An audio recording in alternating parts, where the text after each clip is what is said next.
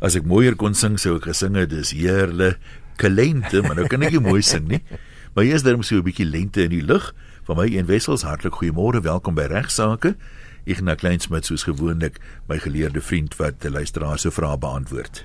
Ja, goeiemôre luisteraars, goeiemôre Ian, altyd 'n voorreg om met die luisteraars te praat en ek hoop dat uh, ons die reg op hierdie manier so 'n bietjie meer toeganklik maak en meer verstaanbaar maak en uh, baie dankie vir al die baie baie briefies wat ons na elke program kry wat vir ons dankie sê vir die inligting. Is regtig waar nog elke keer lekker riem onder die hart. Nou waaroor gaan ons vandag gesels? Wel iets wat baie belangrik is vir ons almal omdat ons so baie troeteldiere in Suid-Afrika besit is die vraag of ek verantwoordelik is is my hond iemand byt. Nou ek het al 'n hele paar sake oor die klompie jare hiervan bespreek wat gewoonlik met die gemeenregtelike aanspreeklikheid uh, handel die nalatigheid van die eienaar, maar uh, ek wil nou 'n bietjie met u gesels oor die vraag wat gebeur as daar by my geen skuld hoegenaamd is nie. Met ander ek was glad nie nalatig nie. Ons praat hier van skuldlose aanspreeklikheid. Uh dis die beginsel van strict liability is dan ter sprake is. Nou skuldlose aanspreeklikheid is wanneer iemand aanspreeklik is as hy niks hoegenaamd verkeerd gedoen het nie. Niks nie. Al wat hy in hierdie geval gedoen het, is hy is die eienaar van die hond. Honde is mos soos kinders. Ja. As 'n kind in die hof beland vir een of ander ding wat hy aangevang het, dan sê die ma en die pa altyd, jy weet die kind uh, kan so nie 'n vlieg ooit skade aan doen nie. Hulle ja. kan nie verstaan dat hy nou iemand aangerand het nie. Ja. Nou 'n hond is net so. Daai hond wat iemand byt, het gewoonlik in die van geboorte af is dit die liefdevolste brakkie wat jy jou kan indink. Ja. Daai boelput Boelterrier. boelterrier. nou die algemene reël luisteraars in Suid-Afrika se delikte reg is dat 'n persoon net aanspreeklik kan wees deliktueel indien daar aan die 5 deliks elemente voldoen word. Al dit al 5 teenwoordig is. Nou een van hierdie elemente is skuld in die vorm van opset of nalatigheid. Maar oor die jare heen het daar baie gevalle ontwikkel waar dit duidelik gebleik het dat dit in belang van geregtigheid is dat 'n persoon ook aanspreeklik gehou moet word vir skade alhoewel die skuldelement nie teenwoordig is nie. Dit is wat ons dan na verwys as strict liability, skuldlose aanspreeklikheid. In ons reg is dit juis die gevalle waar eienaars verantwoordelik is vir skade wat deur hulle troeteldiere. Die wet praat van domesticated animals veroorsaak is. As dit duidelik is dat die dier die skade veroorsaak het, in hierdie geval die byt byvoorbeeld deur 'n hond, is die eienaar aanspreeklik vir daardie skade en die aksie wat dan ingestel kan word teen die eienaar is die actio actio dei pauperi. Actio dei pauperi, daar's ongelukkig nie 'n vertaling daarvoor nie, dis wat ons maar van praat in die in in in die reg. Om suksesvol te wees met hierdie aksie dei pauperi, moet die moet daar 'n vier vereistes voldoen word wat in verskeie hofsaake al uitgespel is. Kortliks beteken dit maar die verweerder moes die eienaar van die huisdier gewees het op die tyd toe die skade veroorsaak moet was met ander woorde toe die hond gebyt het en hy moes op daardie stadium uh, beheer oor die dier gehad het. Blote beheer oor 'n die dier is nie voldoende nie. Indien nie eienaar regter kan bewys dat die dier onder iemand anders se beheer was, sal dit wel 'n geldige verweer wees teen hierdie vereiste. So belangrik is die dier moet 'n huisdier wees. Die onderskeid is van belang want dit word veronderstel dat wilde diere van nature gevaarlik is. Goed, uh, of 'n die dier wel mak is, sal afhang van geval tot geval. Daar selfs regspraak wat bepaal dat 'n meerkat byvoorbeeld in sekere omstandighede as 'n huisdier kwalifiseer. So, eerstens, dit moet jou dier gewees het, jy's verantwoordelik vir hom. Tweedens, dit moet 'n mak 'n uh, huisdier wees, die wat nie normaalweg wild is nie. Derdens, dis belangrik, die dier moes teen sy natuur opgetree het. So hierdie mak huisdier, domesticated animal, tree nou teen sy natuur op toe die skade veroorsaak was. Ons praat nou, van het ek nou nie jou ek weet jy's nou met sistematies besig met 'n klomp punte. Ja. Maar dis waar ek 'n probleem het met party honde wat van natuur mens weet hierdie honde is aggressief en hulle byt maklik. Ek meen daar moet tog seker 'n bietjie van 'n grys gebied wees Ja, as so 'n hond nou betrokke is. Is dit nou teen sy eie natuur of is klomp mense sê pas op vir daai honde. Hulle hulle byt meer as ander honde. ja, die die latynse woord is contra naturam sui generis.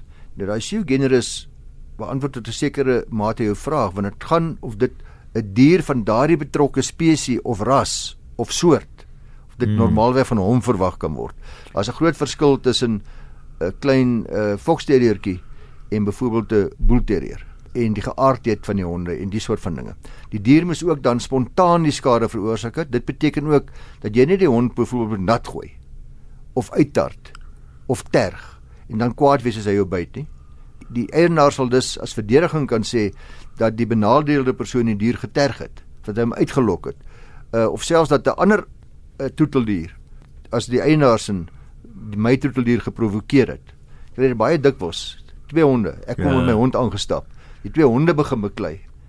En daai proses wil ek hulle uitmekaar uithaal. Tree tussen beide. By jou hond my. Ja. Nou dis duidelik ek moes nie met daai ingetree het nie want my hond is klaar kwaad. Hy's geprovokeer nê nee, en en nou buite die ander persoon omdat die ander persoon eintlik nou terg of tart of inmeng. Baie mense wat gaan stap met honde, veral klein hondjies byvoorbeeld, as hulle nou sien hier's 'n groot hond, dan tel hulle hulle hondjie op, jy weet, en, en hou hom in die arms. Ja. En ek, die ander hond sien dit en ek meen hy probeer daai klein hondjie bykom nie noodwendig vir jou nie. Maar hy ja. kan hy kan natuurlik teen jou opspring en jou ook in die arm buite wat ja, ook al. Ja, maar die vraag is eers of hy uitgelok was. Ja. Of of ek toegelaat het dit my hond hom provokeer. As my hond hom geprovokeer het, dan moet ek verwag hy gaan dalk spontaan optree en en begin byt uh om homself te verdedig. Die eienaar kan altyd ook die verweer van uh volenti non-fit injuria opper in gevalle waar die benadeelde persoon vrywillig hierdie risiko aanvaar. Uh voorbeeld is nou pas genoem het 'n ander voorbeeld is daar's 'n groot borde voor pas op vir die hond, pas op die hond gaan jou byt gevaarlik uh en met kopbene en al die soort van goeders en jy stap maar steeds in terwyl jy ongenooid is.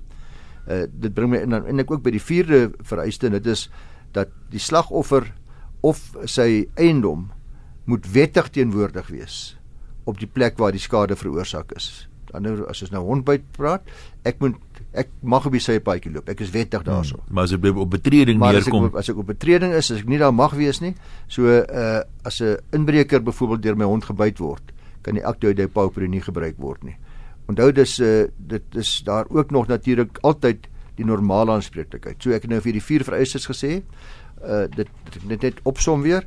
As jy die eienaar is van die hond uh jy doen niks verkeerd nie.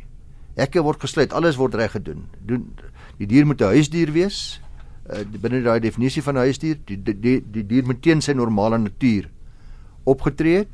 En laastens die persoon of die ou wat skade van jou eis moes wettig op daardie plek gewees het waar jy hond hom gebyt het indien die eienaar nalatig opgetree het dis iets heel anderste dan kan die slagoffer steeds skade eis deur gebruik te maak van die actio legis aquilia. Dis 'n normale deliktuele aksie. En daarvoor is skuld in die vorm van opset of nalatigheid 'n vereiste. Byvoorbeeld, ek het my hek oopgelos.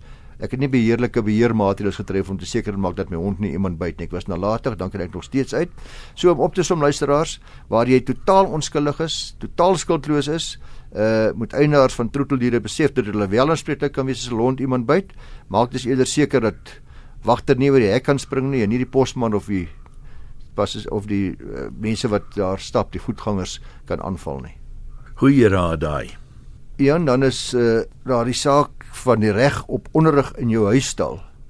Ja, dis uh, nog 'n kwessie wat wat deesdae baie debatte in die koerant oor gevoer word, né? Baie debatte en hierdie saak wat aan die begin van 2017, begin van hierdie jaar gerapporteer is, het baie baie aandag in die pers geniet. Daarom gaan ek dit maar net eintlik opsom baie kortliks. Dis die saak van AfriForum en ander teen uh die voorsitter van die Raad van die Universiteit van Pretoria en ander. Nou artikel 29 subartikel 2 van die Handves van Regte bepaal dat elkeen die reg het, almal van ons, om onderrig te ontvang in die amptelike taal of in 'n taal van hulle keuse in openbare onderwysinstellings waar sodanige onderrig redelikerwys doenlik is. Ten einde doeltreffende toegang tot en verwesenliking van hierdie regte verseker, moet die staat alle redelike alternatiewe in die onderwys met 'n begrip van enkelmedium instellings oorweeg met 'n agneming van billikheid, doenlikheid en die behoefte om uh, die gevolge van wette en praktyke van die verlede wat op grond van ras gediskrimineer het reg te stel. So daar's ook 'n deel van regstellende aksie wat hierby ter sprake is. Dan wat is billik en wat is moontlik? wat is doenlik of wat is prakties uitvoerbaar.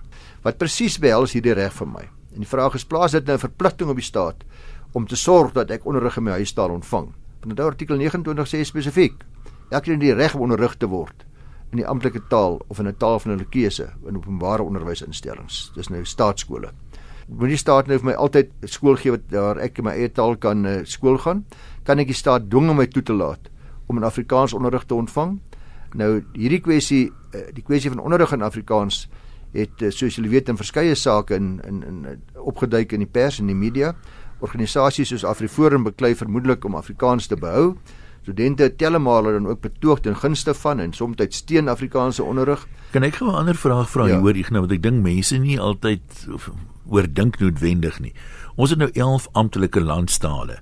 Hierdie artikels wat jy nou lees, is dit ewe van toepassing op Afrikaans as een van die tale wat die meeste mense praat of op 'n klein taaltjie wat mense sê maar net in die Vrystaat praat? Is die regte van almal alle moedertaalsprekers dieselfde? Of is dit wat die doenlikheid ding inkom van julle is so min ons kan nou regtig nie openbare skole net vir die bandjie vol mense doen nie ja presies dit is absoluut een van die argumente dat ons het ons het baie taalaktiviste wat vir Afrikaans veg en wat dit baie goed doen en waarvoor ons baie dankbaar is maar natuurlik moet die regte van alle al ander 11 tale ook in aanmerking geneem word. 'n Mens kan nou dalk vra. Nou hoekom moet daar nie 'n klomp Sepedi skole wees nie? Ja vir klomp Khoza skole en vir klomp Swana skole of wat ek nog al dit mag wees nie. Of die feit dat jy aandring op eksklusiwiteit vir jouself en dis wat AfriForum en almal sê ook die taalaktivistes sal altyd vir jou sê maar ons doen dit ook namens al die ander minderheidstale of die ander taalgroepe in ons land. Nou dis waar die doenlikheid inkom.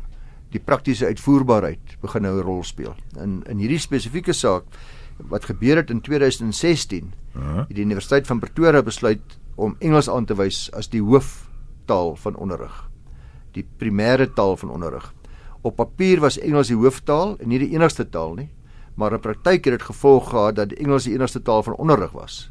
Die universiteit het 'n lang geskiedenis wat taal aanbetref wat nou in hierdie hofsaak baie goed na gekyk is. En toe die universiteit sy deure oopgemaak het in 1908, toe was Engels die enigste taal van onderrig. In 17 1917 het hierdie beleid verander en vakke is in Engels en Afrikaans aangebied. In 1932 het die beleid weer verander en bepaal dat Afrikaans die enigste taal nou sal wees vir onderrig. En vanaf 1994 is onderrig weer in Afrikaans en Engels aangebied. In 2010 was 'n PD erken as 'n derde taal van kommunikasie, maar nie van onderrig nie. En daarna het die 2016 besluit gevolg om Engels as die hooftaal aan te wys wat dan nou die onderwerp was van hierdie aansoek of ja. aksie deur AfriForum. Het ook ander groepe. Nou in aanleiding van hierdie besluit het AfriForum aansoek gedoen by die hof om hierdie besluit te laat hersien en tersyde te stel op grond daarvan dat die besluit baie duidelik inbreuk maak op die studente se reg in terme van artikel 29 sub artikel 2 van die grondwet. Hulle voer aan dat dit redelikerwys doenlik was om onderrig in Afrikaans aan te bied, dat die beleidsverandering gediskrimineer het teen Afrikaanse studente wat in Afrikaans onderrig reeds histories ontvang het. En derdens dat die beleidsverandering het studente wat nou in die toekoms in Afrikaans wou onderrig ontneem van hierdie grondwetlike reg. Nou by oorweging van die aansoek om hersiening het die hof die faktore wat deur die universiteit in ag geneem was by die besluitnemingsproses ook in ag geneem. Die demografie van die universiteit was een van die faktore wat in ag geneem was. Voor 1994 sê die hof was die studente by die universiteit primêre wit studente waarvan 88% 88% Afrikaans was. Maar teen 2016, aan die ander woorde, dit is nou 22 jaar later van 94 af was slegs 25 van die studente Afrikaans sprekend vir Afrikaans sprekende huise uit met moedertaal. Hierdie verandering in demografie was dan ook die motivering van die universiteit uh agter die beleidsverandering. Met ander woorde dat Afrikaans nou verval en dat Engels hooftaal word. Die aanvraag na onderwys in Afrikaans sê die hof is duidelik het begin afneem in onlangse jare en die data wat versamel was en wat voor hulle gedien het het aangedui dat die aanvraag beslis in die toekoms nog verder sal afneem. Dit is 'n duidelike grafiek wat aantoon dat in die afgelope 20 jaar van 94 af is daar 'n duidelike afname in studente wat in Afrikaans onderrig wil word. Dis 'n goeie punt wat jy daar maak want afgesien van die demografie, hoor mense baie keer stories dat die Afrikaans sprekende studente, wie se moedertaal Afrikaans is, dat dit 'n minderheid van hulle is wat wel in Afrikaans wil klas hê, dat baie van hulle sê nee, ons ons wil die Engelse klas hê. Ja. So dis nie net die demografie nie, daar's baie van die Afrikaans sprekende studente wat nie omgee om in Engels klas te draf nie. En dit is wat die universiteite bevind met hulle eie opnames. Natuurlik sal die ander mense wat Afrikaans wil bevoordeel aandui dat daar mense nie regtig kan staat maak op daai statistieke nie. Men kyk nou uit watter moedertaalhuise die kinders kom. Wat is hulle taal? Hulle werklike hooftaal wat hulle besig normaalweg. Maar die hof het hier bevind dat die universiteit behoorlik oorweging gegee het aan al die relevante faktore by die neem van hierdie besluit. Die gevolgtrekking dat onderrig in Afrikaans nie meer redelikerwys doenlik was nie was ondersteun deur die faktore wat voor die hof gebring is en wat hulle in ag geneem het en Afriforum se aansoek was dus van die hand gewys. So luisteraars om op te som, as gevolg van hierdie uitspraak het elkeen dus inderdaad die reg om onderrig in hulle huis te haal te ontvang, maar die reg is beslis nie absoluut nie. Alle omstandighede moet in aanmerking geneem word, soos in hierdie geval die demografie, die geskiedenis ensovoorts. En uh die hof maak baie spesifiek melding daarvan dat Afrika het 11 amptelike tale. Dis eenvoudig net nie altyd redelikerwys prakties uitvoerbaar of doenlik onderrig vir almal in hulle moedertaal aan te bied nie. Nou hierdie was uh, terloops nie 'n appelhof saak nie. Ek ervaar dat daar sou waarskynlik 'n appel wees, ons weer met u sal bespreek as dit met tyd voorkom. As jy nou net by ons aangesluit het, baie welkom by die tweede deel van vandag se regsaake. Ja, jy sal onthou en luisteraars dat op die 10de Julie het ek 'n saak uh, bespreek wat baie belangrik was vir munisipaliteite wat ek gesê het hulle sokkies moet optrek om die veiligheid van ja, ja, van mense by openbare oorde 'n bietjie te beperk. Nou in daardie saak het 'n gestremde dametjie, 'n 18-jarige dametjie was verkragt by die Pine Forest vakansieoord en daar het die hof uiteindelik besluit die munisipaliteit moes aan haar 780 000 ongeveer betaal. Die munisipaliteit moes die koste betaal. Ek kry toe 'n briefie onlangs van Dou Kreer, ook iemand wat daar van die pik af kom in my tyd tans in die Kaap bly. Ek het net gedink ek moet tog by die luisteraars so bietjie net die menslike agtergrond gee van hierdie slagoffer want dit is altyd nogal uh, hartroerend om dit te hoor. En hy sê dat ek ken die agtergrond so bietjie van hierdie gestemde meisie wat in Ceres se munisipale kampterrein verkrag is. Sy was as baba in aanhalingstekens 'n gedampte 'n agtergelate weeskind in Bulgarië of Roemenië. En hy sê twee Suid-Afrikaanse sendinge wat daar gewerk het, het daar op haar afgekom waar sy in 'n inrigting in 'n bed gelê het en feitelik geen versorging gekry het nie. Die personeel daar was redelik ongeërg. Sê sy sal seker binne 'n week of wat dood wees. 'n Paar weke later het die twee sendinge weer daar aangekom en toe lewe die baba steeds. Hulle neem haar toe aan, hulle self en versorg haar behoorlik en bring haar Suid-Afrika toe. En my skoonsis het met Down syndroom kinders gewerk, maar het ook met hierdie meisie se ontwikkeling gehelp. Na aanleiding van haar werk het die meisie se aanneem ouers te later gereël as sy referaat daaroor lewer by 'n konferensie in Sofia, Bulgarië. Sy het vir ons vertel hoe die meisie self die verkrachtingsinsident beskryf het as I was crucified in Zerest. Maar baie tragies en wonderlik dat die verkrachters later wel ook aangekeer is. Dis iets wat ek nie geweet gewonder het oor. So hulle is toe ook aangekeer en gestraf. Ja. Wonderlik. Dan uh, Smith versus the Kit Kat Group 2016 in die einde van 2016 aangehoor. Hier het die applikant vir die respondent gewerk. Hy het homself uh, geskiet in 'n onsuksesvolle selfmoordpoging wat hom toegelaat het met 'n misvormde gesig as ook 'n spraakgebrek. Die applikant het 'n uh, gesigrekonstruksie ondergaan. Baie stadiger gepraat as normale mense, maar hy kon hom nog steeds redelik maklik verstaan. Nou uh, die applikant se werkgewer, dis nou die respondent in hierdie geval die KitKat groep, het aan die applikant se swaar vertel dat die applikant deel is van hulle KitKat familie en hy terug kan keer werk toe wanneer hy gereed is. Dis nou in sy herstelfase. Toe die applikant 'n verslag vir sy werkgewer gestuur het, bevestig het dat hy geestelik en intellektueel stabiel was en hy is nou reg, hy kan weer begin werk.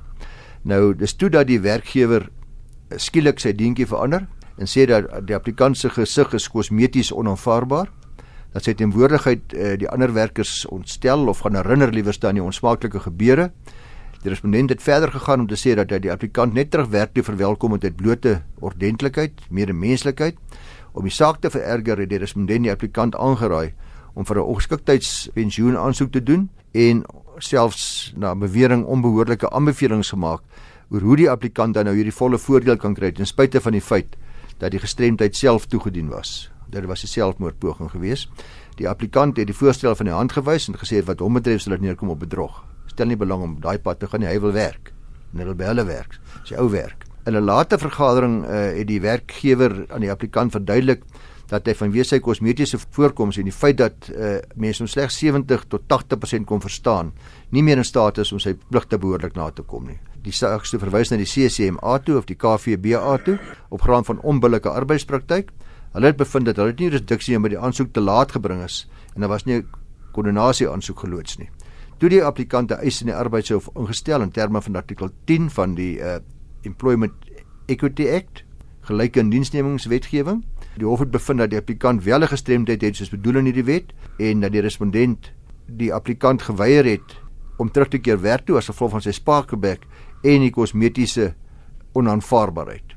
Uh, die hof bevind is duidelik dat daar teen die applikant gediskrimineer was in hierdie geval uh, vanweë sy gebrek. Hulle verwys dan ook na artikel 6 subartikel 1 van hierdie Employment Equity Act wat diskriminasie op grond van gestremdheid baie uitdruklik verbied. So op die werksplek kan daar nie gediskrimineer word op grond van gestremdheid nie. Gevolglik sê die hof as die bewyslas op die werkgewer om op 'n oorwig van waarskynlikhede te bewys dat hierdie diskriminasie regverdig was. Want sommige diskriminasie kan regverdig wees in sekere omstandighede. Die hof het aangevoer dat die werkgewer nie behoorlike ondersoek ingestel het oor die applikant se gestremdheid en of dit hom werklik verhoed om sy verpligtinge na te kom en ook net kyk tot watter mate dit hom werklik verhoed nie en die gevolglike sprake van regverdigbaarheid nie. Uh die hof sê dat die kode van goeie praktyk verplig 'n werkgewer om behoorlik te konsulteer met 'n werknemer wat 'n gestremdheid het om redelikerwys en sover as moontlik te akkommodeer sover dit nie onregverdigbaar ongerief vir die werkgewer veroorsaak nie. So alhoewel die respondent nooit die applikant uitdruklik afgedank het nie, het die hof uh ooreenkomstig die saak van die nasionale unie van metaalwerkers van Suid-Afrika en ander versus Aban Sendisi Labour Services bevind dat die respondent die applikant deur sy gedrag afgedank het. Dis daai konstruktiewe ontslag. In daai saak het die hof gesê om 'n werknemer te verhoed om werk te doen waarvoor hy aangestel was, neerkom op kontrakbreuke gevolglik repudiasie van die kontrak, dis konstruktiewe ontslag. Die hof maak die bevinding dat gevolge artikel 50 van hierdie wet dit uh dit billik en regverdig was in die omstandighede om om terug te neem. En die hof beveel dat die respondente bedrag gelyk staan aan 24 maande se salaris. Aan die applikant moet betaal vir skade sowel as 'n addisionele bedrag gelyk staan aan 6 maande se salaris vir genoegdoening. Dis nou pyn en lyding. Nie werklike ander skade nie. Die respondente moet ook die regskoste eh, betaal van eh, die applikant. So in samevatting luisteraars gestremdheid of 'n skending van jou gesig in hierdie geval is nie 'n sinoniem vir onbevoegdheid nie sê die hof. Wanneer 'n werkgewer sy werknemer wil aandank, afdank wees so gebrek, is dit van kardinale belang dus om die regte roetes te volg, die behoorlike ondersoeke te loods soos deur die wet vereis en dan aan te dui dat so afdanking beslis geregverdig is in die lig van die taak wat hierdie persoon moet verrig en die omstandighede van die werkgewer. So hierdie persoon het daarmee goeie 30 maande se inkomste uit die aksie gekry. Ek dink die die beroepshelp, miskien kan jy net vir ons 'n bietjie perspektief daarop gee. Sê nou jou spraak is redelik aangetas en jy's 'n omroeper waar jy darm duidelik moet kan praat of jy's 'n model byvoorbeeld en nou skielik lyk jy nie meer soos 'n model nie. Mense gaan nie die klere wat jy modelleer ja. koop soos jy lyk nie. Hoe sensitief is mense daarvoor want ek meen of jy nou eenkant in 'n hoek 'n passer en draaier is uh, kan jy weet niemand jy het nie kontak met die publiek nie maar 'n ontvangsdame byvoorbeeld by 'n groot uh, firma sê hulle dikwels is die gesig van die maatskappy. Ja, absoluut, jy's 100% reg. Uh Ian, dit sou op jou voorbeeld te noem van 'n omroeper, is daar geen twyfel dat 'n afdanking geregverdig sou wees as omstandighede waar daardie persoon nie meer behoorlik kan praat nie, spraakgebrek het. Maar jy weet jy ook dan moet ook gekyk word na jou bedryfsvereistes en na ander moontlikhede waar jy in diens geneem kan word ander woorde sê net maar in jou geval is daar nie dalk 'n bestuursposie so by die RSG nie. nee, ek het die gesig vir radio, nie vir bestuur nie.